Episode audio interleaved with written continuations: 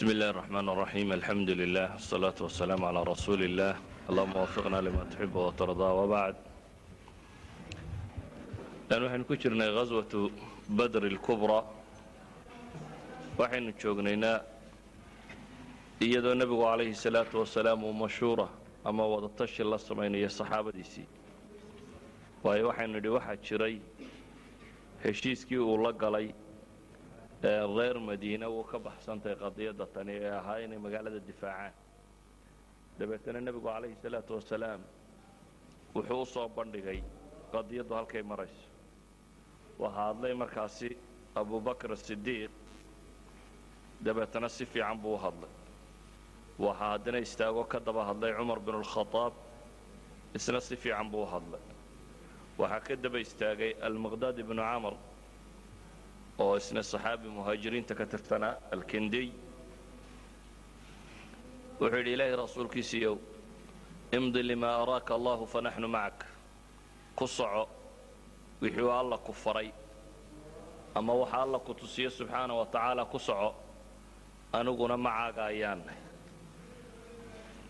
ku odhan mayna buu yidhi sidii reer banu israa'iil ay nebi muuse ku yidhaahdeen idhab anta warabbuka faqaatilaa innaa haahunaa qaaciduun kuma lihin buu yidhi sidii ay reer banu israa'iil markay hoojiyeen nebigoodii ay ku yidhaahdeen baytulmaqdes markuu u dagaal tegayey nebi muuse o adiga iyo rabbigaa dagaal gala annagu waa idinsii sugaynaa intaad meesha furanaysee sidaa kuma odhanayna buu yidhi. Ee waxaanu ku leenahay buu yidhi idhab anta warabbuka faqaatilaa innaa macakumaa muqaatiluun ilaahay rasuulkiisiiyow adiga iyo rabbigaaba dagaal galaanana waa idinla dagaalgelaynaa ilaaha xaqa kugu soo saaraan ku dhaartee buu yidhi haddii aad naga kaxayso ilaa barki lghimaad yacni meel fog buu markaa u jeedaa. Lajaaladnaa macaka min duuni xataa tabluqa waa kula diriraynaa ilaa iyo inta aynu ka gaadhayno yacni marnaba kaa hadhi mayno nebigu calayhi salaatu wasalaam saddexdaas saxaabi ee muhaajiriintii markay si fiican u hadleen wuu u duceeyey. Markuu u duceeyey ayuu wuxuu haddana nebigu ku celiyay weedhi ashiiruu calaya ayuha nnaas. Dadow ila taliyo waxidhaha ayuu nebigu ku celiyay calayhi salaatu wasalaam iyadoo ay ka muuqato nebigu muhaajiriinta mooyaane darafka kale ra'yigoodana inuu weli raadinayo bal waxay yeeshay iyaduna waayo ansaar baana tirada u badnayd meesha maraysa? Oo laba boqol iyo dheeraad laga yaabo inay haayeen. Isla markaana baycadii ay la galeen nebiga calayhi salaatu wasalaam kumay jirin qadiyadda tani. Yaa rasuula allahi bay markaa ansaar yidhaahdeen innaa buraa waxay hore ugu sheegeen oo ku jirtay baa la yidhahdaa heshiiskii ay nebiga la galeen ilaahay rasuulkiisiiyo u beri baanu ka nahay yacni ilaalintaada inta aad naga soo gaadhaysaa markii hore heshiis ku jiray. Oo madiine yacni markaad timaaddo ayaanu ku difaacaynaa faidaa wasalta ilayna faanta fii dimatina namnacuka maa namnacu minhu abna'ana wa nisaa'ana marka nebigu calayhi salaatu wasalaam wuxuu ka cabsi qabay baa la yidhaahdaa ansaari inay tidhaahdo arrinkani kuma jirin heshiiskii aynu wada gallay. Markuu nebigu weedhaa ku celceliya markaa waxaa istaagay sacd ibnu mucaad oo ansaar ka mid ah wuxuu yidhi wallaahi lakaannaka turiiduna ya rasuula allah ilaa baan ku dhaartay alle rasuulkiisiiyo inaad annaga noo jeedaa baan filaya markaad weedhan ku celinaysa ila taliya ah nebigu markaasuu yidhi ajal ay nacam haayo idinka ayaan idin jeega. Wuxuu markaa ugu jawaabay saxaabigan ansaarigii nebiga calayhi salaatu wasalaam faqad aamanaa bika wasadaqnaak washahidna ana maa ji'ta bihi huwa alxaq waacطaynaaka cala dalika cuhuudina wamawaahiqina cala asamci waطaaca lak famdi ya rasuula allah lima aradt fanaxnu macak ilaahay rasuulkiisiiyo buu yidhi waanu ku rumayn waananu rumaysanay wixii aad noola timi oo dhan. Waxaananu kuu qirnay shahaada inaad waxaad la timi ay xaq tahay. Saas baanu ballannadayadii kugu siinay. Waxaananu ku aqbalaynaa cala samci wataaca baanu mar kasta kuula taaganay inaanu ku yeelno ee famdi ya rasuula allah lima aradt fanaxnu macak. Wixii aad doonayso yeel waa kula jirnaa ilaahay rasuulkiisiiyo ilaa xaqa kugu soo saaraan ku dhaartee buu yidhi low istacradta bina albaxra fakhudtahu lakhudnaahu macak. Haddaad badda intaad tagta aad gasho bay yidhaahdeen. Oo aad tidhahdo baddaynu gelaynaa nina waa kula gelaynaa. Ma hadhayno. Maa takhallafa mina rajul waaxid buu yidhi.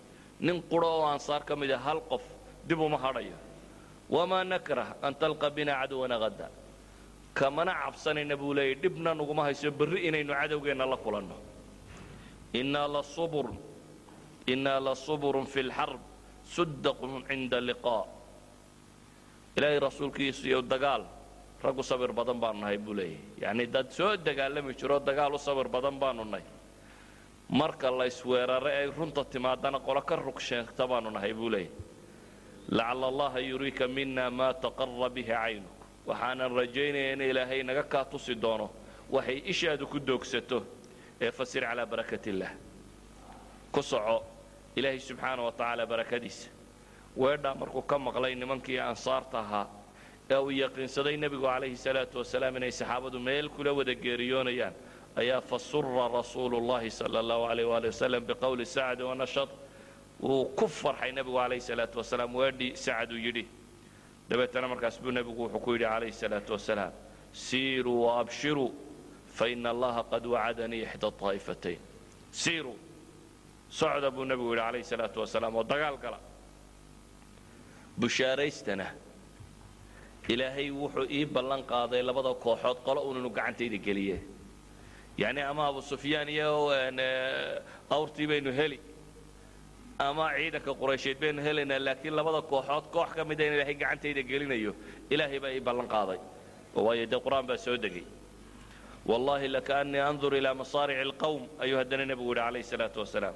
Waxaabad moodaa buu nebigu leey inaan arkayo meesha meydkooda la dhigdhigayo meesha lagu legdayo qoomka inaan wada arko. Nebigu calayhi salaatu wasalaam markuu arkay siday saxaabadu u daacada ula imanayaane u aqbalayaan iyo sida geesinimadu ku jirto ee ay kelmadooda isugu geysteen inay dagaalamaan iyo sida ay u rabaan inay naf iyo maalba u qadimaan oo ilaahay dartii u dhintaan oo aanay dan ka lahayn nolosha kale. Ayuu markaasi wuxuu bilaabay nebigu calayhi salaatu wasalaam inuu ciidankiisii u ururiyo. Saa ibnu isxaaq duun isnaad uu ku aroorinayo ta hore waa sanad saxiixu ibnu isxaaq ku soo arooriyey qisada hore ee tan tartiibka markaas buu wuxuu dhiibay baa la yidhaahdaa alliwaa calan cad oo ciidankao dhan calankiisiiya waxaa loo dhiibay saxaabigii la odhan jiray muscab ibnu cumayr markii horena ahaa ninkii uu soo diray reer madiine qur'aanka u dhigayey ninkaas baa loo dhiibay calankii ciidanka.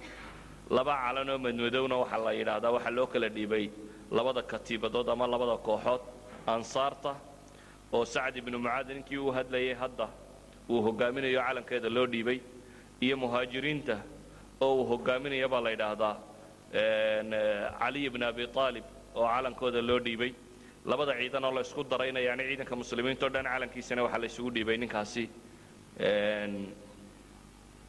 Ninkaa la yidhaahdo muscab ibnu cumayr saxaabigaa la yidhaahdo saaqada ama dhudhunka ciidanka. Yani ciidamada waagii hore waxay u dagaal geli jireen. Maymana iyo maysara ama bidix iyo midig iyo qolo dambe oo saaqa iyo qolo muqadamo alica ah saaqada markaa ama dhudhunka dambe waxaa loo dhiibay isagana qays ibnu abi sacsaca nin saxaabiyo la yidhaahdo. Halkan markaynu dhanka muslimiinta joogna waxaa muuqata ciidanka islaamiga oo dhammi inuu dagaal galo inuu isku wada raacsiisan yahi in ilaahay dartii loo dhintay in la isku raacsan yahi ama iyada dhanka gaalada markaynu tagno isaga khilaaf baa ka jira. Oo waayo hadafkii dagaalka loo hadafkii loo soo baxay markii laga yimi oo waxay ahayd inay badbaadsadaan awrtooda. Awrtii inay badbaaddayna warkeedii wuu yimi. Waataynu nidhi qabaa'ilka qaar ka mid waxay dhahaan inagu dagaal geli mayna waa iska tegaynaa. Oo reer bani zuhra iyagu way dagaalka ka hadheen alkhanas ibnu shariiq ciidankaasi wuu reebay inu nidhi saddex boqol oo nin in ku dhadhow. Intii soo hadho abujahal weli ku madax adaygayo ayaa iyaduna waxay isku dayeen rag ka midii in dagaalka la joojiyo. Siiba cutba bnu rabiica ninkii la odhan jiray iyo xakiim ibnu xasaan baan filayaa ninkii kale la odhan jiray. Ayaa wada hadlay waxay go'aansadeen in dagaalka dadka laga joojiyo. Laakiin cutba asxaabu taariikh say wariyaan cutba la yidhi bal adigu abijahl masaladan ka dhaadhici asxaabu taarikh inay hadalla xunxuni dhex mareen bay sheegaan. Calaa kulli xaal cutba wuu qancin kari waayey abujahal in dagaalka la joojiyo. Abujahal go'aan abuu qaatay inuu dagaalamayo weliba culamaai taarikh waxay sheegaan abujahal go'aanka markuu qaatay si aan ciidanka looga kala jejebin ninkii soo hadhay labadii nin ee la soo furtay ninkii walaalkii la dilay siriyadii cabdillahi bnu jaxashi horeynu soo eegnay soo ka soo warrannay ayuu yidhi waar orodoo dhawaaq oo waxaad tidhahdaa masaasaan xilfi wadaag idinkula ahaa walaalkay la dilay mee xooli mee oo tollaayayda dheh ciidanku ha dagaalamee abujahal ra'yigiisii ahaa inay gaaladu dagaalantaa ayaa xoog batay. Sida imaamu abari sanad xasana uu ku soo aroorinaya taarikhdiisa ra'yiga abujahal ee ah in la dagaalamo markii uu xoog batay ayay mushrikiintii waxay isku dayeen in bal haddaba ciidanka loo soo basaaso.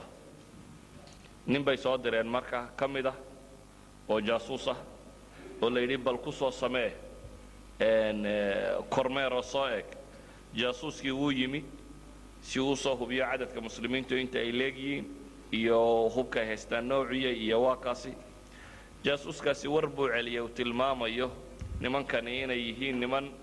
Horta waa koox yar buu yidhi. Intan aan soo arko saddex boqol ama wax yar bay dheeryihiin ama wax yar bay ka dhiman yihiin.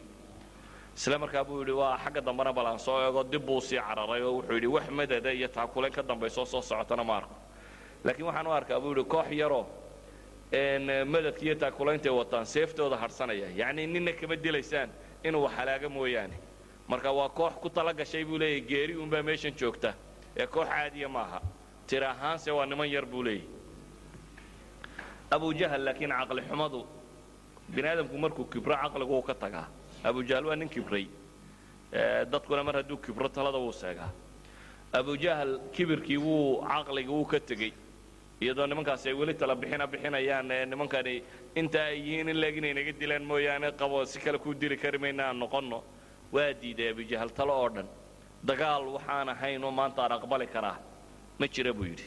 Go'aankaas buu qaatay. Waxaa la yidhaahdaa go'aankii markuu qaatay ee ciidankii dagaal gashaday ayaabuu bilaabay. Caqli xumadiisa inuu ilaahay baryo oo yidhahdo ilaahay ow aniga moxamedka ayaga rixim goyska badan le ninka iyaga xun ilaahu jebi ayuu dabeetana habaartan ku bilaabay. Allaahuma ayuna kana aqطacu liraxm waatana bima laa nacrif faaxinhu lghadaat buu yidhi baa la yidhi. Ilaahayow ka iyagii la yimi waxaan la garanaynin. Ee raximkiiyo tolka qana gooyey ilaahu kaa aroorta goo isagu wuxuu is leeyahy moxamed baa la yimi waxaan sax ahayn. Amase wuxuu is leeyahay nebiga calayhi salaatu wasalaam baa qarabagoysa oo caynkan sameeyey ilaw kaasi uu maanta go'aa buu leeyahy oo waagu markuu baryo ka waxba ka hadhin. Axaadiistu tilmaamaysana waa ka aayaadka qur'aane. Ku soo degeen mas'alada tan ee ilaahay tilmaamayo in tastaftixuu faqad jaa'akum alfatxu baa ilahay yidhi. Haddaa ilaahay weydiisanaysaan inuu idinkala furto waa yimi baa ilahay yidhi furashadii. Wain tantahuu fahuwa khayru lakum haddaa ka waantoobaysaana waxaana waddaan ka noqonaysaanna waa idin khayr badantay wain tacuuduu nacud haddaad soo noqotaanna waa soo celinaynaa baa ilahay leeyahy walan tugni cankum fi'atukum shay'a walow kahurat waana allaha maca almu'miniin tirabadnidiiduna waxba idinka tari maysa baa ilahay yidhi subxaana wa tacaala kooxdiinnu waxba idinka dhicin maayaan xataa hadday tiro badan yihiin ilaahayna kuwa mu'miniinta ayuu la jiraa muslimiintii beder iyo biyaheeda iyagaa uga soo horreeyey sida uu tilmaamaya xadiis sanadkiisu yani xadiis mursala oo sanadkiisu ilaa curwa waa saxiix laakiin dee mursal inuu daciif yahay baynu naqaanaa. Waxa uu sheegayaa alxabaab ibnu lmundir ayaa wuxuu leeyahay nebiga calayhi salaatu wasalaam baa meel tilmaamay in la dego markaasaan idhi buu yidhi meesha tani ma makiida dagaalba ma taktigi dagaal baynu u degaynaa mise waxyaa soo degay inaynu halkan degno markaasaa la yidhi maya waa taktigi dagaal baa loo degaya taktig dagaal halkan waa laga fiican yahay buu leeyahay biyo aan xagga hore ka marno. Oo nimanka biyaala-aan aan dhigno ceelasha biyaha inagu dhabarka. Aan iska marino si aanay biyo u helin. Markaas buu aqbalay buu leeyahay nebigu calayhi salaatu wasalaam. Xadiiskaasi waa xadiis daciifa sixadiisa laakiin mid baa iyadu iska cado ah mabda'a shuurada iyo inuu nebigu calayhi salaatu wasalaam wax kastoo aan waxyi ka soo degin inuu saxaabada kala tashan jiray. Taasi waa arrin nusuus badan oo qur'aan iyo sunnaba ay tilmaamayso. Sheegaysana in dhaqanka dadka muslimiinta ilaahay baaba le wa amruhum shuuraa baynahum. Ama nebiga calayhi salaatu wasalaam baa ilahay ku leeyay washaawirhum fi lamr arrinta kala shir. Dhaqankii nebigu calayhi salaatu wasalaam wuxuu ahaabaa ficil inaanu qabanin mar haddaan waxyi ka soo degan ilaa iyanu la tashado mooyaane. Tala wadaag inay waayo taladu waxay keentaa dadku markuu wadaago kow waxaa suurtagala ra'yiga fiican inaanu kaaga ahayne lagu tusiyo midka fiican. Waa suurtagal waxaa kaloo suurtaga ku jira iyaduna dadku inaanu markaasi istuhmin. Hadday jabdhaco in jabka loo wada adkaysto aan cidna eed la saarin waayo cid waliba talada way ka qayb gashay. Oo waa ra'yigii jamaacadoo dhan ra'yiga kani. Hadduu nin qudha idin marsiiyo tiisoo aad jabtaan berri mar dambe la aqbali kari maayo ninkaasi ama waa ninkii shalay reerka jabiyaa la leeyahy laakiin haddii marka horeba talo lagu wada galay oo dadkao dhan ay ka dhexaysay nin waliba in la jabay wuu accept garaynaya ama wuu aqbalaya yacni shuuradu wax badanoo faa'iidaa bay leedahay. Markaa dhaqanka nebiga calayhi salaatu wasalaam waxa ahaa wax walba inuu ka shuureeyo haddaan waxii soo degin. Idan inkastoo xadiidku daciif yahay baciid maaha inuu nebigu tashado calayhi salaatu wasalaam. Waana arrinuu ku barbaariyey saxaabada. Riwaayo saxiixa markaynu qaadanno cali bni abi aalib uu warinayo wuxuu leeyahay habeenkii toddobiyo toban ramadaan ay ahayd waxaanu habeenkaasi seexannay buu leeyahay. Laqad ra'aytunaa yowma bader wamaa mina ilaa naa'im buu leeyahay maalintii beder ninaga midii haddaadna arki lahayd buu leeyahy ma jirin qof naga midii iyo habeenkaasi wuu seexday ilaa rasuula allahi mooyaane sala allahu alayh waalih wasalam habeenkii dagaalka la geli doono dhammaantood way wada seexdeen. Nebiga mooyaane calayhi salaatu wasalaam nebigu isagu muu seexanin habeenka kan saxaabadii kale oo dhammi way seexdeen. Nebiguna wuu istaagay habeenkaasi geed buu tegey hoostii wuu tukanayey ilaahay buu baryayey ilaa waagu ka baryayey buu leeyahay. Wuxuu kaloo caliy bni abi aalib uu leeyahay habeenkaasi waxoogaa rooba ayaana helay oo lagu qabowsado. Roobkii markuu nagu soo da'ayna buu leeyahay dadkii dhirta hoosteeda ayay galeen dadka badhna wixii sitay maxaa la yidhahdaa tars ama gaashaan. Gaashaanku dee harag buu ka samaysan biyaa waa celinayay. Ragga badhna gaashaankoodii bay hoos fadhfadhiisteen buu leeyahy badhna meelaha kan iyo dhirta ayaa roobka laga galay. Nebiguna calayhi salaatu wasalaam habeenkaasi oo dhan ilaahay buu baryayey isagoo leh allahuma inta ahlik hadihi lfi'a laa tucbad ilaahow kooxdaa yar maanta haddii la halaago. Ilaahu dunida dib lagugu caabudi maayo. Yacni wuxuu tilmaamayay in islaamku jab ay u tahay dagaalkan maanta diin iyo diin la'aanun inay joogto. Oo nebiga calayhi salaatu wasalaam iyo diinta islaamiga inay quwoobaan inay ku xidhantahay dagaalkaasi inay guulaystaan. Wuxuu leeyahy cali bni abi aalib siduu ilaahay u baryayey baa markuu waagu baryaana loo yeedhay iyadoo la leeyahay asalaa cibaad allah asalaa markaasaanu dhirtii ka wada hoos baxbaxnay buu yidhi gaashaamada iyada iyo wixii. Halkaas buu nebigu nagu tukiyey calayhi salaatu wasalaam isaga oo markuu salaaddii na tukinayey na tukiyey kadibna dagaal aad noogu booriyey buu yidhi. Xadiidkii musnadu imaamu axmed buu ku yaalla sanad saxiixana uu ku arooray. Dagaal isagoo aad noogu booriyey nebigu calayhi salaatu wasalaam. Riwaayad daciifa ayaa iyagu waxay sheegaan tacbi'at ljeish iyo tahiyadoodu inay habeenkii dhammaystirantay. Laakiin riwaayadda caliya saxiixii waxay tilmaamaysaa habeenkaasi in la seexday uun laakiin subaxii uun ay ahayd wakhtiguu dagaalka dadka ku borinaya dhiiri gelinayay xadiidkaasi siduu sheegaya in roobkani soo da'ay ama inay seexdeenna waxa kaaga filanba. Aayaadka qur'aan ee ilaahay subxaana wa tacaala waa ka inoogu tilmaamaya in alla seexiyey oo qur'aan inuu soo degay id yugashiikum nnucaasa amanatan minhu. Waa ka ilaahay subxaana wa tacaala tilmaamaya inuu ku soo dejiyey hurdo iyo in roobba loo soo dejiyay aayaadka qur'aana baa wada tilmaamaya. Markaad u fiirsato soo dejintan uu ilaahay subxaana wa tacaala ku soo dejiyey hurdada. Horta hurdadu waa shay qofka bini aadamkii uu nashaadta dhammaantii dareemo. Qofka bini aadamkii markuu daalo waxa qudha daal ka bi'iya waa hurdo. Hadduu seexdo qofka bini aadamka wuxuu dib u soo kaca isagoo nashiita oo farasha oo aan kii hadeer daalay ama cabanaya aan ahayn. Hurdadu waxay kaloo astaan u tahay qofka deganaanshiyihiisa. Qofka bini aadamkii wuxuu gama'aa marka uu mutma'inulqalbi yahay markuu xasiloon yahay. Amaa qofku goob uu baqaya hadduu joogo hurda kama timaado yacni qof baqaya hurda kama soo degto. Qof warwaraya oo walwalhayana hurda kama soo degto. Hurda waxay ka soo degtaa un nin xasiloon nimaan warwarna haynin baqana idan goob dagaal haddaad gamaacdo macnaheedu waxa weeyaan qofkani inuu muطma'inba yahay qof aad u degan inuu yahay oo si fiicanna hadhow dagaalkiisa wadi kara. Qof aan warwar badani ka hayn dagaalkan iyo waxaan oo dhan. Ilaahay subxaana wa tacaala saxaabada tan markaa isagoo qalbigooda dejinaya oo lagu talagalay aroorta berriya inay si fiican u dagaalamaan waxa uu alle subxaana wa tacaala ku soo dejiyey hurdo hurdadaasina waxay ka mid tahay baan leenahay waxyaabihii ilaahay subxaana wa tacaala ugu gargaaray. Ayay ka mid ahayd hurdada tani. Waxa kaloo alle subxaana wa tacaala ku soo dejiyey roob oo markaasi dhulkii macrakada iyo meeshii ay ku dagaalamayeen oo dhan ilaahay uu nabay subxaana wa tacaala oo uu hagaajiyey. Oo roobkani mid laga cabo uu noqon karaa ciidda iyo dhulkan oo dhan mid hagaajiyo meeshan lagu dagaalgalayo ay fiicnaato waa noqon karaa yani wuxuu ka mid yahay roobka waxyaabaha nafta bini aadamkii haddaanu noqonin mahigaan dee qaada.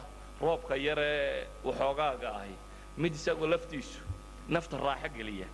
Idan waxaa ka muuqata habeenkan ay dagaalka galayeen in ilaahay subxaana wa tacaala uu dadka kan dejiyey oo loogu talagalay qalbigooda in ويذهب عنكم رجس الشيطان وليربط على قلوبكم ويثبت به الأقدام بإله كنت المامي وينزل عليكم من السماء ماء ليطهر بكم إلى إبا الرب دين سودتي سيد كن طاهر يلا ليلي والشيطان كي رجس كيسا قولن كيسا يدين ككحايو وقلبكينا والله وأتكايو وقمدينا ووصغا ودرير كرتان أي إلهي سبحانه وتعالى سيدان وقالي waagii markuu baryeyna waxaana muuqatoon habeenkii nebiga uun inuu ahaa cidda qura soo jeedae xaariska ahayd ama dadkan ilaalinaysa waagu markuu u baryeyna waa dagaalgelin ayay ku tala galeen. Subaxday markaa ramadaan toddobiyo toban ahayd ayuu nebigu calayhi salaatu wasalaam ciidankii isku diyaariyey sida imaamu axmed musnadkiisa ku soo aroorinayo. Subaxaasi waanu safay ciidanka waxaanu u safay nidaam sufuuf inay u dagaal galaana waa ka tilmaamaya yani nin caalim oo muslim oo dhintay dhowaan maxamuud shid khitaab oo yani janan ciidanna ahaan jiray. Wuxuu leeyahy usluubku nebigu uu u dagaalgeliyey beder iyo dagaallo badan oo ka dambeeyeyba. Waa usluub aanay carabi hore ugu dagaalami jirin. Usluubkana aan sufuuf sida salaada loo galo oo kale sufuuf abuu nebigu u dagaalgeliyey laakiin carabtu usluubadii caanka ahaa ee waagaa loo dagaalgeli jiray wuxuu ahaan jiray usluub alkarri waalfar usluub kolba koox inay dagaal gasho ka soo baxdo saasi alkarru waalfar la sameeyo. Rogaal celin iyo ka bixis saa loo dagaalamo. Usluubkan bay yidhaahdeen sufuuftu wuxuu ku fiican yahay kow. Ciidanku markuu yar yahay wuu uga fiican yahay alfar waalkar ciidan badan baa sameeya bay yidhahdeen waxa kale uu ku fiican yahay bay yidhaahdeen khasaa'irta ayuu ku yareeya. Wuxuu kaloo ku fiican yahay bay yidhaahdaan qaa'idka ciidanka ka talinaya ee zimaamul amr gacantiisa ayuu ku wada jiraya wuxuu kaloo ku fiican yahay bay yidhaahdaan cid kasta oo soo gasho oo nooca kana si fudud ayaa loo celin karaa. Idan waa nidaam aanay carabi hore u aqoon buu leeyahay nidaamku nebiga kan uu subaxaasi saxaabadiisa u dagaalgeliyey. Sufuuftaasi markuu simay nebigu calayhi salaatu wasalaam isaga xagga dambe ayaa cariish yar looga dhisay quba yar oo uu markaasi ciidanka ka hogaamiyo. Qubadaa yar in loo dhisana sida riwaayadda bukhaari ay tilmaamayso sacd ibnu mucaad baa keenay oo yidhi ilaahay rasuulkiisiiyow ciidankani waa ciidan yar muslimiin badanina waa kaa dambaysa wax walibana waa dhici karaan goobtan dagaal. Waxaan rabnaa inaad dagaalka xagga hore aad u ka gelin xagga dambe inaad joogtid oo mar kasta oo ciidankani xataa hadduu jabo in la heli karo muslimiin badan oo dee madiine ku harsanayd oo ku soo taakulen kugu soo gaadhi karta. Marka xagga dambaa meel yar looga dhisay. Waana qaacida macruufa ah dee ciidan kasta oo meel dagaal gelaya in maamulkiisa ama ciidanku si aanu maamulkiisa u lumin cidda ka talinaysa in la ilaaliyo maxaad u malaynba dee ummadda nebigeed. Waxau kaloo nebigu calayhi salaatu wasalaam u tilmaamay dagaalka inaanay gelin ilaa iyo amar ay isaga ka helaan mooyaane. Dagaalka inaanay gelin oo weerar inaanay qaadin amar in laga helo mooyaane. Wuxuu kaloo nebigu faray calayhi salaatu wasalaam dagaalkaasi marka laydinku soo qaado ee weerarka laydinku soo qaadaba seefta galka ha ka saarina buu yidhi. Seefu ha idin galaysnaadaan waxaa adeegsataan buu nebigu yidhi calayhi salaatu wasalaam gamuunkiinna leebkiiyo qaansaduun adeegsada oo ciidanku markuu soo yaacaba gamuunka ku rida. Oo weliba wastabquu nablakum. Ha iska tuurtuurinuuna hubiya oo markay idiin soo dhowaadaanuun ku garaaca. Waa usluub jadiida bay yidhaahdeen oo ah ciidanku xooggiisa iyo seeftiisaba inuu dib u dhigto. Waa halkan maanta laga isticmaalo ciidanka intaan dagaalka la gelin dee madaafiic baa meesha lagu tumaamo kadib baa la yidhahdaa inventorygu inuu galo. Sidan oo kale waxay ahayd yani gamuunkani waa madfaca qudhee la hayay ee gacanta ka baxaya ee ciidanka ku tumaya. Marka ciidanka waxa u adeegsataan buu nebigu leeyahy alayhi salaatu wasalaam gamuunkiina marka gamuunka ku dagaal gashaan kadib uun ayaa la rabaa in seefta lagu dagaal galo. Wuxuu nebigu faray markaa qofna inaanu meeshiisa ka dhaqaaqin sidaa la yeelo. Sidii bay ku dagaal galeen.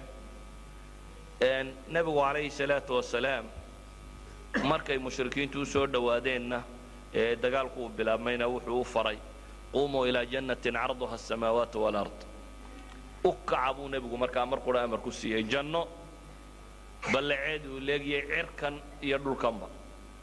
Asamaawaat samaawaadka kan oo la isku daray iyo dhulka jannaa ballaceed uu leegiyey u kaca.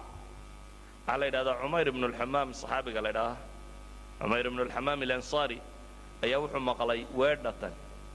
Dabeetana nebigu su'aal ku celiyey yaa rasuula allahi janna carduha asamaawaat walard ma hadda haddii halka lagu geeriyoodo waxaa la helayaa janno cerkan iyo dhulkan iyo waxan oo dhan ballaceedu leegiyey nebigu calayhi salaatu wasalaam wuxuu yidhi nacam.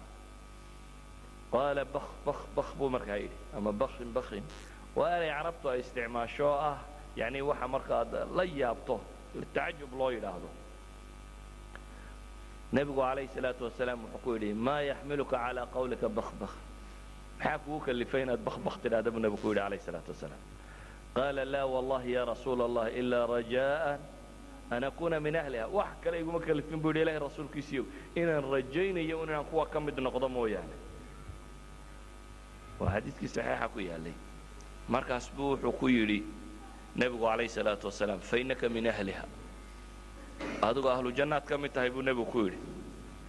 Dabeetana saxaabigaas waxaa la yidhaha waxoogaa timiruu haysta markaa cunayay waslaa dagaalka aad bilowd timirtiisii buu soo saaray markaasuu midhadh ka cunay dabeetana waxaa la fogaatay inuu timirtan dhammaysto. Ilaan jannaa loo sheegay cirka iyo dhulkaba ka ballaadhan in lagu yidhaahdo cirka iyo dhulkaba wax ka weyn baad helaysaa. Dagaalkan waxaa laga yaabaa inuu u dagaalami laha haddii la yidhaha haniimaa la helaya ama waxoogaa xoolaabaa la helaya laakiin iyadoo lagu yidhi janno cirka iyo dhulkaba ka weyn. Ayaad mujarad intaad dagaalkan ku dhammanayso inay kaa xigtaa. Idan geeriday nolosha markaa ka jecel yihiin sidaa awgeed buu timirtii eegay. Wuxuu idhi lain ana xuyitu xataa aakula tamraati haadihi innaha laxayaatun tawiila. Wallaha ku dhaartee buu yidhi haddaan sii noolaado inta aan midhahan timirtaa ka cunayo tani waa nolol dheer buu yidhi.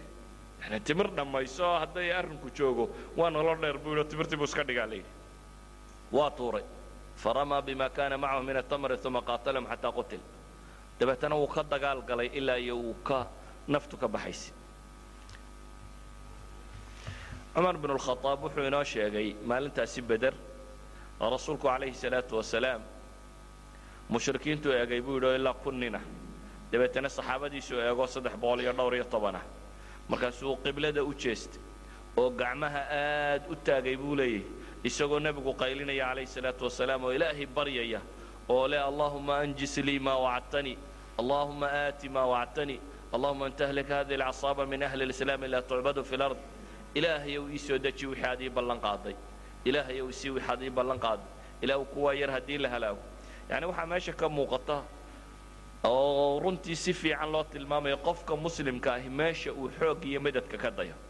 Waxaa laga yaabaa innaga markaa dhibtu ku qabsato. Waxa koowaad aad ka fakertaa inay noqoto bini aadam. Waar xaggaad u kacdaa talow kii hebel ahaa miyaad qabataa? Mise cidun aad isleedahay waxbay ku taraysaa? Marka koowaad maskaxdaada waxa ku soo dhacay inuu cayn ka noqdo. Laakiin waxaad arkaysaa ambiyada iyo saalixiinta dadka wanaagsan.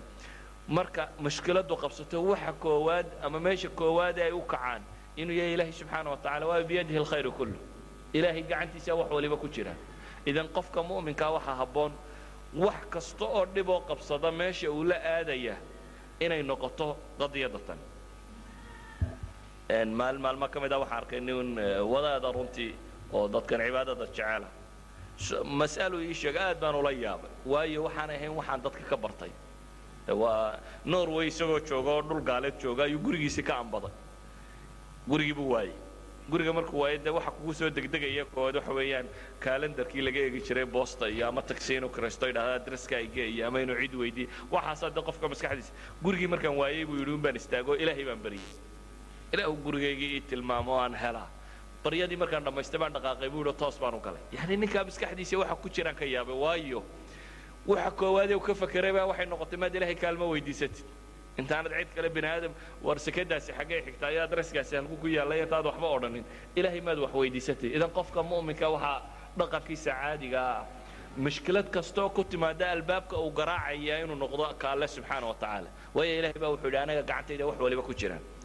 Sidaa awgeed nebigu calayhi salaatu wasalaam maalintaasi in badan ilaahay buu baryey siduu ilaahay u baryayey baa la yidhahdaa nebigu calayhi salaatu wasalaam baa go'i ka dhacay. Go'ii saree saara ayaa ka dhacay abibakaroo markaa dadkii ilaalinaya la joogaya ayaa wuxuu yidhi yaa nebiyullahi kafaaka munaashadatuka rabbuk. Ilaahay rasuulkiisiiyow intanaad alla baridee weydiise weydiise weydiise kugu filan buu ku yidhi. Waana kuu filinaya ilaahay subxaana wa tacaala wuxuu kuu ballan qaaday. Dabeetana cumar wuxuu leeyahy waxaa soo degay aayaadka qur'aana ilaahay leeyahy id tastakiisuuna rabbakum faاstajaaba lakum annii mumidkum bialfin min almalaa'ikati murdifiin. Faamadahu allahu bilmalaa'ika buu leeyahy ilaahay baa wuxuu leeyahy waxaa xustaan marka ilaahay kaalmo ka dalbayseen ee ilaahay uu idinka aqbalay ee uu idiin soo dejiyey malaa'ig kun malag oo idinla dagaalgalo oo isdaba socda. Siduu nebigu u baryayey baa nusuustaa qur'aanka ku soo degtay.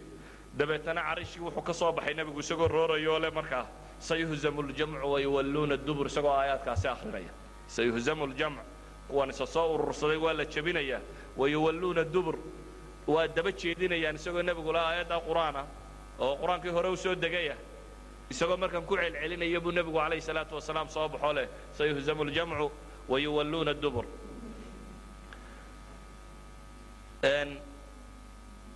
Cali bn abi aalibna waa ka tilmaamaya nebigu calayhi salaatu wasalaam dagaalka intuu mubaasharoodo naftiisa laqad ra'aytunaa yowma badri wanaxnu naluudu birasuuli اllahi salى allahu alayh waalih wasalam wahuwa aqrabuna ila alcaduw wa kana min ashaddi الnaasi yowmaidin ba'sa xadiid imaamu axmed uu warinayo axmed shaakirna uu leeyahy waa saxiix ayuu cali bn abi aalib wuxuu leeyahy waxaad arkaynay maalintii bader iyadoo aanu nebiga ku daba gabgabanayna buu leeyahy nebiguna cadowgaba noogu xigo maalintaana raggii noogu dagaal adkaa ayuu nebigu ahaa buu leeyahy calayhi salaatu wasalaam markaasi uu ka soo baxay cariishkii ee uu dagaalka soo galay dagaalka kani wuxuu ku bilaabmay kow mubaarazaad.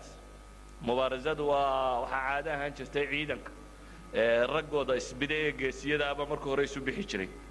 Mubaarasa ayuu ku bilaabmay. Oo uu horkacayo cutba bnu rabiica iyo inankiisii iyo walaalkii. Waa laba ninoo walaalaa iyo inanuu midkood dhalay. Saddexdoodaasaa mubaaraso u soo baxay. Waayo waxay yidhaahdaan cutbo waxa soo qadimay. Waa kuu abujahal baa markuu dacaadeeyey wallahi intafaka saxru. Sambabada karaya buu yidhi. Yacni wuxuu ku dacaadeynaya uu lahaa wuxuu arkay buu yidhi ciidankan ka soo horjeedo akalatu jazuura in la qabqabanayaa inaanu dhalo kalena wuu ku jiraa. Yacni inaanu dhalayba xagga muslimiinta ka soo jeeda. Markaa wuxuu is yidhi maanta inankaagu yuu dhimanin caynkaasi. Dabeetana waa afkaa ka xumaado waa inoo berri baa la yidhi keenna sababku karaa berraad arki doontaaye saasi daraaddeed buu mubaarasadii koowaad baa cidda soo baxday waa odaygii cutba ay ishayeen abujahal iyo walaalkii iyo shaybe ah iyo inan ay dhaleen oo wulidi la yidhaahdo. Intaasaa soo baxay. Dabeetana safkan muslimiinta waxaa jooga niman aanay qurayshis arag. Laakiin cadho dhammaanteed u ciil qaba. Yacni muhaajiriintu waa nimanay quraysh hore isu yaqaaneen iyo raggooda. Laakiin safkan ansaarta la yidhaahdo ansaartu waa niman horta dagaal hadda ka soo baxay bay ahayen oo xarbu bucaad bay ka soo baxeen. Waa niman aad u dagaal badan bay ahaayeen isla markaasi waa niman aan gaalo dagaal weli la gelin ama gaala aanay gumaysan sidooday ku islaameen guryahoodii bay joogeen dadkooda intii u badnayd baa islaamay markaa magaaladan ay ku koraan islaam baa hogaaminaya. Niman dhallinyaraana way u badan yihiin shabaab aad u xamaasadaysan oo kacsan oo maqlay uun nimanbaa nebiga ku dhibi jiray maka ee ilaahu yaa indhaa idinka qaada uun dhallinyaro leh nimankii nebi maxamed wixii la ogaaya dhiba u geystay ayaa meesha iska jooga. Saa daraaddeed mubaarasadii markay kooxdani soo baxdayba markiiba waxaa soo booday saddex nin oo dhallinyaro ansaar ka mid ah. Saddex dhallinyaradii ansaareed ka mid ah ayaa markiiba u soo baxay. Dabeetana waa diideen. Qoladii quraysheed baa waxay dhaheen may waxaanu rabnaa tolkayo nimankii inaga yimi ee ragga fasahaadiyaanu doonaynaa bay leeyihiin dhallinyaradayna tan uma soconno. Nebigu calayhi salaatu wasalaam markaas buu amar bixiyo uu yidhi kac xamze kac cali kac cubayda. Waa cubayda bnu alxaarit bnu lmualib waa saddex ninoo faamiligii nebiga calayhi salaatu wasalaam iyo xamso adeerkii ruma iyo caliyo adeerkii ruma. Waa saddex ninoo saddexdaba isku faamili yihiin ayuu nebigu kiciyey. Markaasuu yidhi baxa mubaarasada saddexda tan baa u baxay. Xamse kumuu hakanee markiiba odaygii koowaad ee cutbe ayuu ka takhallusay. Calina waxaa la yidhahdaa shayba buu ka takhallusay. Cubayda iyo waliidna laba seefood bay isweydaarsadeen baa la ydhahaa sunan abi daawuud xadiidka oo saxiixinaya saasuu sheegaya. Inkastoo culamaai taarikh inta badan ay isweydaariyaan oo ay ka dhigaan shaybe iyo cubayda inay ahaayeen labada seefa isweydaarsaday ayan kaanat saddexdii nin iyo saddexdii nin ee isu soo baxay. Laba markiiba waa laga takhallusay midna labadoodiiba laba seefood oo halisa isweydaarsadeenoo way dhaceen. Dabeetana labadii saxaabee labadooda ka takhallusay. Cali iyo xamso iyagu markiiba labadoodii dilay ayaa ku soo kara celiyey kii kalenoo kii saddexaadna nafta ka jaray. Koodii dhaawac ahaana dib u qaatay. Saxaabigan dhaawacii markii beder laga noqday dhexda la sii socda ayuu isna naftu ka baxda u shahiido saddexdii koowaad ee mubaarasadii ka soo baxay mushrikiinta saddexdiiba waa la dilay. Cadhadii waa ku sii badatay quraysh. Isla weynideedii saddexdii odayee hore ay soo qadintay marka saddexdii baa laga takhallusay. Cadhadii waa ku sii badatay. Dabeetana hujuum bay bilaabeen. Weerar bay bilaabeen. Weerarkii ay soo bilaabeen nebigu calayhi salaatu wasalaam wuxuu bixiyey amarkii ahaa gamuunkun garaaca oo seefaha ula bixina. Yacni yaan safkaba la soo gelin ee gamuunkaasi uun ku tuma. Sidii baa la yeelo gamuunkii bay ku tumeen. Waxaana la tilmaamaa nebigu calayhi salaatu wasalaam markaas sacab ciida qaaday baa la yidhi uu ku saydhay. Shaahat ilwujuuh isagoo leh sacabkii ciida ku saydhayna ilaahay baa indhaa ka wada geliyey. Waa ka qur'aanka ilaahay ku tilmaamayo wamaa ramayta ida ramayt walaakina allaha rama maa tuurin baa ilaahay yidhi markii aad tuurtay. Yacni tuuryo dee ciida waa tuurtay. Laakiin tuuryo indha gasho oo dadka qof qof indhaa u soo gasha.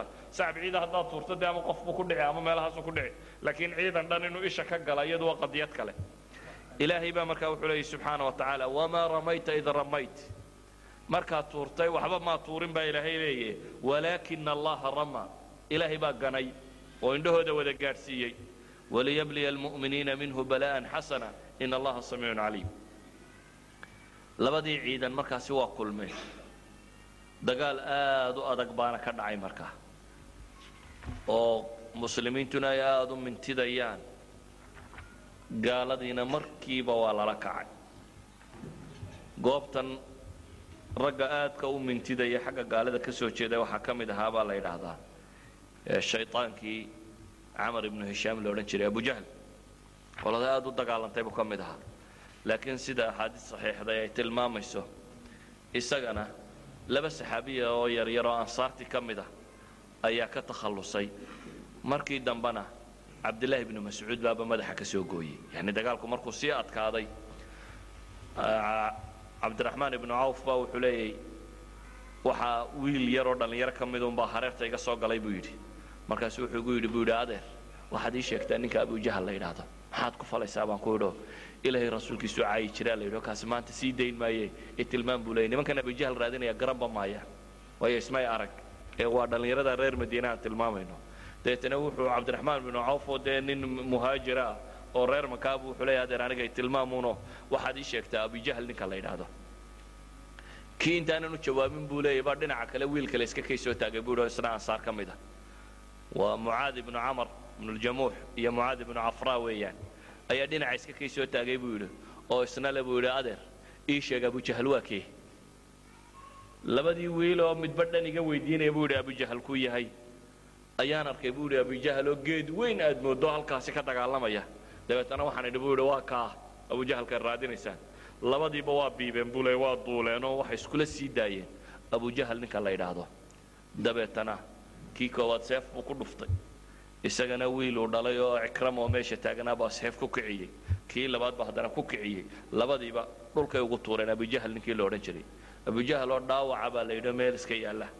Ayuu cabdillaahi binu mascuudna soo maro intuu halkaa luqunta iskaga taagay ayuu madaxa ka soo gooyey. Abujahal markaasi waa geeriyooday oo waxaa dilay labada wiil. Nimanka waaweynee macrakadan lagu dilay waxaa ka mid ah umayata bnu lkhalf umaya markii gaalada la jebiyey ay jabeen ee badhna la qabqabanayay toddobaataneeya waa laga dilay toddobaatanna waa laga qabqabtay bay yidhahdaan culamaa siira. Iyadoo la xidhxidhayo riwaayaadka saxiixaysay ku soo arooreen waxa la yidhaha cabdiraxmaan ibnu cawf ayaa wuxuu qabsaday baa la yidhi ninkii la odhan jiray umayata bnu lkhalf iyo inanuu dhalay. Isagoo xadhigga ku xidhxidhanayoo wata culamaa siira weliba taarikh dheer bay sii sheegeen. Waxay dhahan labada nin berigii hore ay saaxiib ahaayeenoo dabeetana cabdiraxmaan ibnu cawf oo urursanaya duruuci iyo hub iyo wixii uu helay. Ayuu yidhi war miyaanad geel caana la doonaynin maad aniga kollayba waa lay xidhaya waa kanoo lay qabaye adigu i kaxayso yacni adigu aad geela heshide. Si kasta ha ahaatee waa la qabtay. Iyadoo uu xadhigga ku giijistay oo wato ayaa waxaa arkay bilaal umayata bnulkhalf waa ninkii bilaal intuu dhagaxa laabta ka saaro cadceedda dhigi jiray. Ee mushriga ahaa dabeetana bilaal baa arkay ninkii oo la hayo. Bilaal baa ku musanoobay markaa laa najawtu in najaa buu yidhi. Ilaahay waxaan ku ballan galay inaanad nabadgelin haddaan nabad galo. Yacni labadeenna midkeenuunoo maanta la waaye mooyaane inaan nabad kale jirin. Ama adaa dhimanaya ama anaa dhimanaya. Waxaa la yidhaahdaa cabdiraxmaan baa yidhi war waa maxbuuskayga ha la ii daayo. Laa najawtu inajaadi buu qayliyey. Ra'su lkufri buu yidhi umayata bnu lkhalf baa halka taagan. Abu markay maqleen bilaal qayladiisii baa dhallinyaradii dagaalka ku jirtay. Markiiba soo rogaal celiyeen. Bilaal iyo riwaayaadka saxiixa qaar ka mida waxay tilmaamayaan. Wuxuu yidhi markaan arkay ina la hayo cabdiraxmaan ibnu cawf ayaan wiilkiisii cali u reebay. Buu yidhi aan idhi waar naga mashquuli bal inuu cabaar dagaalamo isaga ay dilaan oo aan la baxsan karo maxbuuskan maxbuusnimo u kaxaysto kii yaraa markiiba waa ka takhalluseen dabeetana waa ku soo gaadheen. Markaan arkay buu yidhi inaan la bixinayn baan qayliyey buu yidhi. Dabeetana waxaan idhi war fariiso habeer kuu dhacaya aan dusha kaa fuule oo bal ku qariya in lagu daaye. Wuu fadhiistay buu yidhi mid qara weyn buu ahaayoo dushaan ka koray buu yidhi. Laakiin seefay hareeraha iga soo geliyeen buu yidhi hoosta nabar buu tusi jiray. Cabdiraxmaan ibnu cawf berigii dambe uu odhan jiray. Seefahay hoosta ka xuluulinayeen bay ana halkaa kubkaygaga jireen buu yidhi. Isna way ka takhalluseen umaya ibnu lkhalfna meesha ayuu ku go'ay.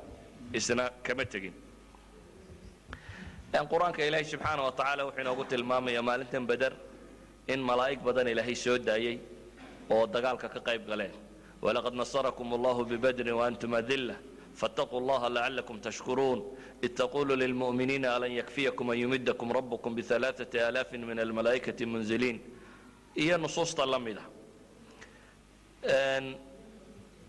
وكري كري إلهي سبحانه وتعالى ملك الجبريل قل انتو يمادين حق لو رغو جبريل قل في الله لكن إلهي وحو الربعين دد كان لا يتحام وليبلي المؤمنين بلاء حسنا وكان الله سبحانه وتعالى وعلى الربعين waliyubliya almu'miniina minhu bala'an xasana in allaha samiicun caliim in dadka la intixaamo oo ilaahay subxaana watacaala aslanba waa kari karayay diintiisa in nebiga hal malaga lagu soo daro wixii diidaba u dhulka la jaro uun oo ay saasi ku socoto dadku qasab ku aqbalo laakiin ilaahay wuxuu ugu talagalay juhdi bashar inay ku socoto awood bini aadam inay ku socoto isla markaa dadka in la intixaamo oo dadka dee loo soo dejiyay in lagu intixaamo waxa ilaahay rumaynaya waxa beeninaya ilaahay walba cid walba waa qasbi karaya walidalik baa malaa'igta timina qaabkii bini aadamka oo kalunbay u dagaalameen oo farda wato oo saasi u dagaalamaya ayuunbay iyaguna ahaayeen saynu xagga dambe ka arki doono.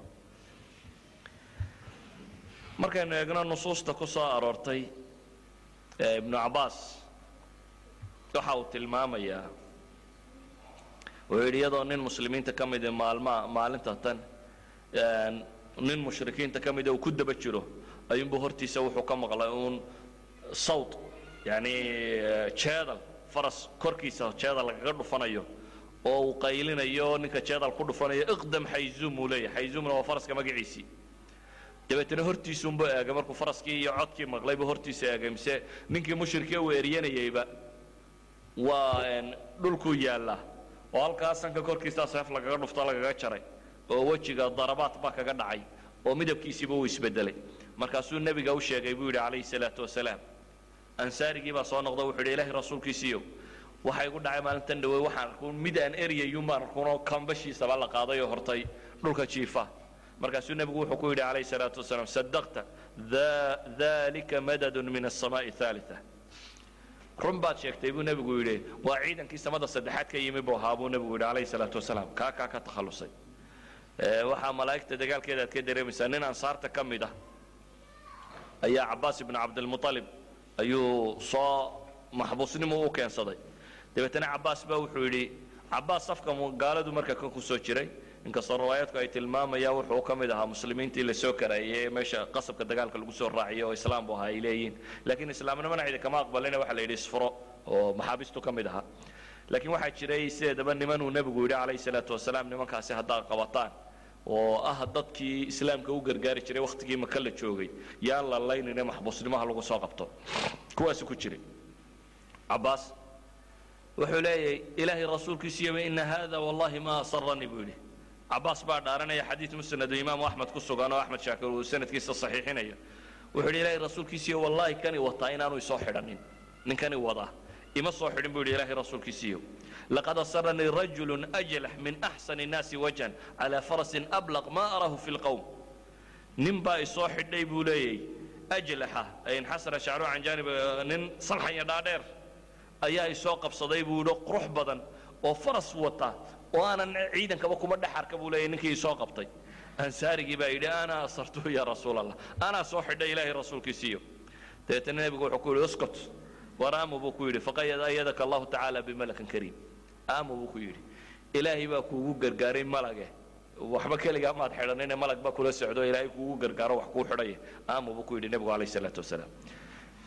Maqaazi lumawi biisnaadin xasana waxaa ku soo aroray nebigu calayhi salaatu wasalaam khafqa sidii wax yaro miyir daboolmo kaluu yaro noqday in yar markuu cariishka ku jiray dabeetana indhaa intuu soo kala qaaday buu yidhi abshir ya abaa bakr ataaka nasrullah hada jibriilu mutacajilun bicimaamah aakhidun bicinaani farasi yaqudu cala hanaaya naqc ataaka nasrullahi yani isagoo nebigu u bishaaraynaya abu abubakar bu wuxuu ku yidhi bishaarayso abubakarow ilaahay nasrigiisii wuu kuu yimi. Waa kan jibriiloo cumaamad xidhan oo faraskiisa yani fangalka maxaa la yidhahda halkan faraska canaani tunka faraska tunka haya oo yani ciidan uu wato jibriil baa soo galay buu nebigu laha calayhi salaatu wasalaam. Saxiixu lbukhaarina waa ka ku suganba inuu nebigu yidhi calayhi salaatu wasalaam jibriil baa yimi oo wuxuu yidhi maa tacuduuna ahla badra fiikum. Reer beder maxaa idinku u tirisaan? Yani reer beder sidaa u malaynaysaan buu nebiga jibriil weydiiyey.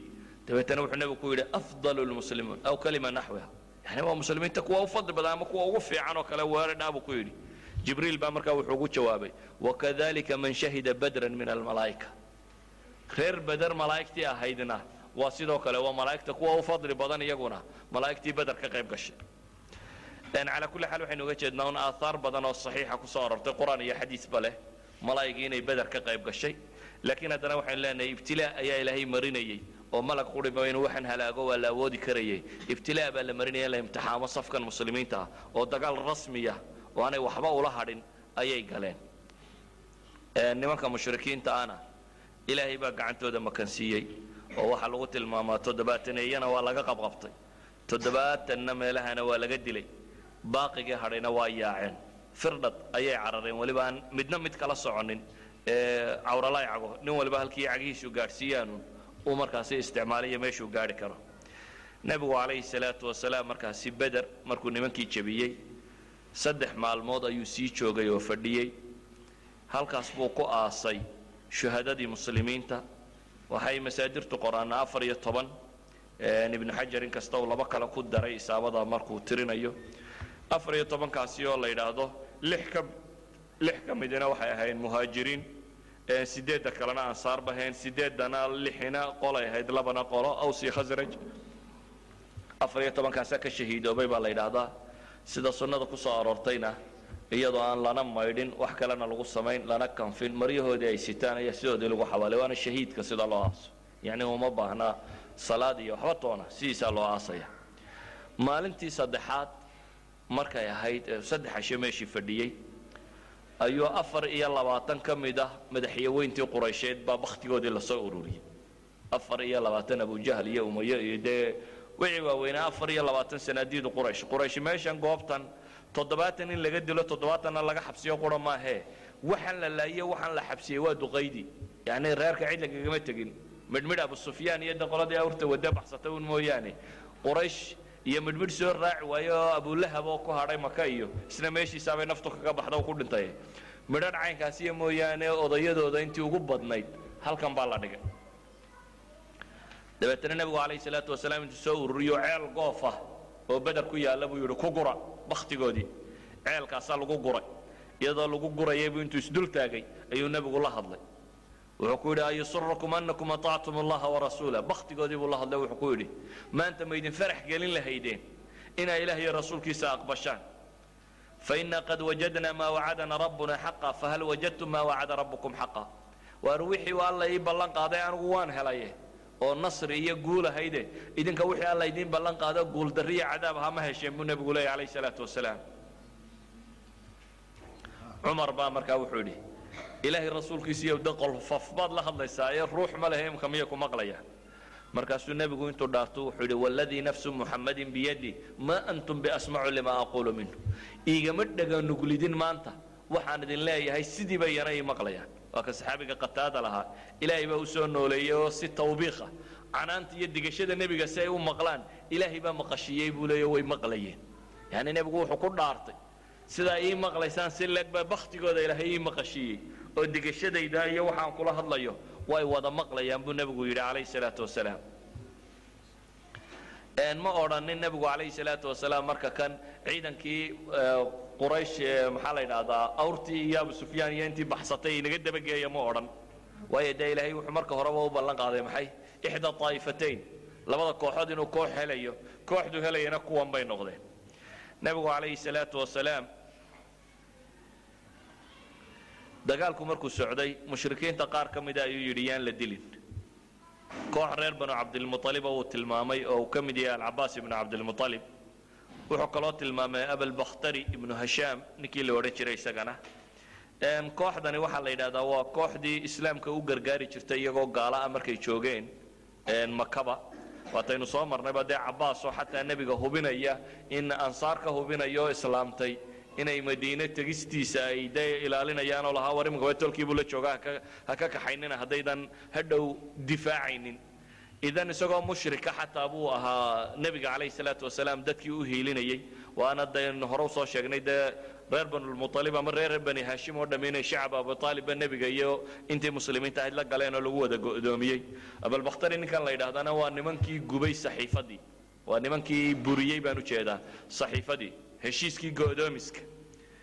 Nebiga calayhi salaatu wasalaam iyo ciddii raacda waataynu nidhi waa la go'doomiyey. Saddex sannadood bay go'doon ku jireen oo aan waxna laga iibinayn waxna laga iibsanaynin muqaataca rasmiya lagu waday. Go'doomintaa nimankii buriyey ninkan baa uu madaxa oo ka mid ahaa. Shatinina go'aanka isku raacay hore ayuu ahaa. Ninka kan markaa wuxuu nebigu yidhi haddaad qabataan isagana yaan la dilin. Bal ninka la ydhaha ninkii qabtow yaan la dilin ha la qabto uun laakiin alcabaas ibnu cabdilmualib waa la qabtay uun. Abalbakhtari isaga waa la dilo lama qabanin. Sababtuna waxay culamaai taarikh waxay sheegaan isaga iyo mid kaloo wada socduu qabtay saxaabiyo dabeetana wuxuu yidhi istaaga. Nebigu wuxuu igu yidhi adiga ha dilin baa laygu yidhi istaaga. Markaasuu yidhi iyo saaxiibkay labadaydaba na wada magan geli ka kale cidi ima amrin buu yidhi isaga madaxaan ka jaraya. Dabeetana wuxuu yidhi haddaa nin weyno waa yeelaan he dee saaxiibkayna hala dilaana ma yeelayo waa dagaalamaynaa. Way dagaalameen dabeetana labadoodii baa la wada dilay. Yani isagu isagaa diiday in la qabto o yidhi waa dagaalamaya. Saas buu ku dhintay. Mushrikiintii saas bay ku jabeen dabeetana wixii ay haysteen oo dhanna xool ahaana waa laga furtay waana soo baxsadeen baaqigoodii. Magaaladii maka ahaydna warkii baa gaadhay. Warkaasi maka waa si khayru caadiya bay u dawakeen way rumaysan kari waayeen. Inkastoo aan sanad saxiixa aan lagu soo arorin baan rajaynayaa ibnu isxaaq wuxuu soo arooriyay haddaynu lilmacluuma isaga sheegno waxaa la yidhahdaa nin ka mida baa ugu soo horreeyey magaalada firdhadkii soo galay ah markaasaa lagu soo ururay. Warran baa la yidhi warkii wuxuu ka bilaabun dee hebel dhimay. Hebelle hebelle dhimay. Odayadii unbuu kii la weydiiyey baa yidhahdaa dhimay. Waxaa la yidhahdaa safwan ibnu umaya umayata bnulkhalf kanaynu sheegaynay oo safwaan oo meesha fadhiyo isna odayada qorasheed ka mid oo meel fadhiya. Wuxuu yidhi war nin waalan baa la hadlaysaane bal waxaad tidhahdaan safwaanna ka warrama marka wuxuu rabaa inuu yidhaha ninkeena ay waraysanaysaan waa waalan yahin waxba kala garan maayo. Xataa aniga bay garan maayo bal safwaan ba weydiiye safwaan ka warran baa la yidhi. Waa ka halkan fadhiyo buu yidhi wallahi aabbaha iyo walaalkaabaadna waa la dilay. Ila waa labadii halka uu ku soo maray iyana baktigooda lade aabbaha iyo walaalkaana kuwii la dilay bay ka mid ahaayeen marka way qaadin kari weyday quraysh sidan sidan loo galay ama sidan wax u dhinteen war la rumaysan kari waaye buu noqday. Ilaa xad warar badan oo kale laga sii tilmaamo. Xagga kale marka la eegana maxaabiistii iyo wixii la soo qabqabtay oo dhan nebigu calayh salaatu wasalaam maxaabiistii wuu weydiiyey maxaan ka yaallaa? buu yidhi. Horta dhexda markii la soo socday laba nin ayuu nebigu amray in la dilo. Labadaa iyaga waa la dilay. Nadar bnu alxaarit ninkii la odhan jiray iyo cuqba bnu abi mucayd ninkii la odhan jiray labadaa waa la dilay. Dhexdaa lagu dilay. Iyaga waxaa loo dilayna mujrimiyo xarbi bay ahaayeen yacni isilaaxa casriga ee xadiidka ciidanku markuu isdhiibo qola jirta iyagaa maxkamad la saaro la yidhaha waa mujrimiyo xarbi oo la yidhaahdo waa dembiga dagaal nimankii galay askarta lama laaya laakiin niman madaxda ama dawladda madaxdeeda ama waxbaa la yidhaha waa mujrimayo alxarb iyo maxakamta la saara la laaya. Nimankani mujrimayo xarbi bay ogaayeen. Cuqba ibnu abi muciid isagu waa ninkaa garanaysaane intuu soo qaado uurku jirta xoolaha nebiga madaxa ka saarayay aynu soo marray inay faatima ka rogaysay ama waxaa geysanayay. Kaas nadar ibnu xaaritna isna nimanka rabshada badan lo ka mid ahaa waana waxaan filayaana inuu yahay kii odhan jiray qur'aanka maxamed mid la midaan idin akrinay intuu meelaha sheeka xariirta akhriyo. Aduu dadkii sidooda u dhibta badnaa ee laga fadhiyi waaye bay ahaayeen. Marka iyagu sidooday mujrimiin u ahaayeen. Labadaa dhexda markii la soconayay iyaga sabran baa loo dilay. Waa madaxa ka gooyaa la yidhi. Maxaabiistii kale la keenay nebigu wuxuu yidhi sidaan u gallaa. Cumar bin khaaab wuxuu yidhi ilaahay rasuulkiisiiyow intii in waynu dilay intan kalena waa a'immatu lkufri wa sanaadiidiha. Gaalada madaxya waaweynteeda intii ka hadhayna waa intan unaynu gacanta ku hayno. Iyana yaan xabadi ka baxsanin buu leeyahy haddaynu rabno gaal maanta inaynu iska reebno meel aan kala marro. Toddobaatankaa toddobaatanka dhan ka dabageeyo boqol iyo afartankaa quraysh ka mid a hadday dhaafaan buu leeyahay. Waxay waan waan bay leedahay. Xabadna yaan ka sii daynin buu cumar istaagay abibakar buu yidhi nebigu calayhi salaatu wasalaam abibakarow ka warran. Abibakar baa wuxuu yidhi ilaahay rasuulkiisiiyow qolada tan aan fidya ka qaadno madax furasho aan ka qaadno oo dadka muslimiinta ee dee halka joogaa waa baahan yihiin waa kaa inaynu madax furasho un aan ka qaadno. Nebigu calayhi salaatu wasalaam wuxuu u iishay ra'yigii abibakar labadaa ra'yi wuxuu qaatay kii abibakar laakiin qur'aan baa soo degay ayidaya ra'yiga cumar oo ilahay leeyay ma kana linabiyin an yakuna lahu asra xataa yudkhira fi lard turiiduuna carad addunya wallahu yuriidu alaakhira wallahu casiizun xakiim lowlaa kitaabu min allahi sabaqa lamasakum fima akhadtum cadaabun cadiim. Ilaa qowlihi laga soo gaadhayo fakuluu mima hanimtum xalaalan ayiba qur'aan la canaananayo oo ilaahay leeyay umay cuntamaynin nebina. Inuu maxaabiis haysto isagoo aan idkhaan samaynin isagoo aan gaalada yacni jab fiican ku dhigin in maxaabiista laga haya may ahayn. Ee inaa nimanka halkaa cumar marisaan bay ahay. Badhidan ka mid a xooladoona wali baa la yidhi ilaahayna aakhiru buu raadacaynaya dabeetana ilahay wuxuu leeyahy haddaan kitaab alle hore u mari lahayn cadaab baaba idinku haleeli lahaa waxa kan laakiin akhiiran ilahay wuxuu leeyahy fakuluu mima hanimtum xalaalan ayiba waa loo xalaaleeyey wixii ay haniimo ka qaateen waa lagu canaantay waa see loo xalaaleeyey sideedabana waa khiyaarkii koowaad. Laakiin waagii dambe nusuustii qur'aanka ee soo degtay waxay culammadu leeyihiin imaamka ayaa ilaahay khiyaar u siiyey faima manan bacdu wa ima fidaan. In la dili karo in la sii dayn karo in wax lagu furan karo. Intaba maa cada alatfaali wannisa iyaga in la dilaa marnaba ma bannaana. Dumarka iyo carruurta iyo odayada da'deen dagaalna ku jirin ama raayina keenaynin iyo dadkaa in la laayo iyaga marnaba fi shariica. Gaali muslim wuxuu doonaya ahaadee in la dilaa ma bannaana. Laakiin kuwa kale imaamka muslimka ama dowladda muslimkaa cidda ka talinaysa. Sidii ay aragta weeyaan asraagan ama maxaabiista tan xoolihii lagu furtay way kala gedisnaayeen. Sida macruufka ah alhaythami majmaci zawaa'id uu ku soo aroorinayo rawahu tabrani warijaaluhu hiqaat uu leeyahay waxaa laga qaadayay afar kun oo dirham qofkii hanti haysta dadka badhna way sii daayeen oo maalan zaynab ayaa timi oo ina nebi maxameda odaygeedii abalcaas ibnu rabiic ayaa ku jira dadka maxaabiista loo qabtay dabeetana zaynab baa timi oo qilaada ama maxaa la yidhaahdaa baashan luqunta lagu xidho.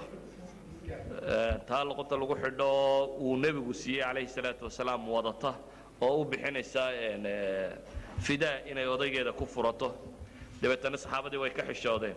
Baashii yaradii uu nebigu dhibaata u siiyey inay dib uga qaataan oo way isaga sii daayeen asiirkeedii maxbuuskeedii way u sii daayeen oo may ka qaadanin qilaadadeediina way u daayeen asiirkiina way u sii daayeen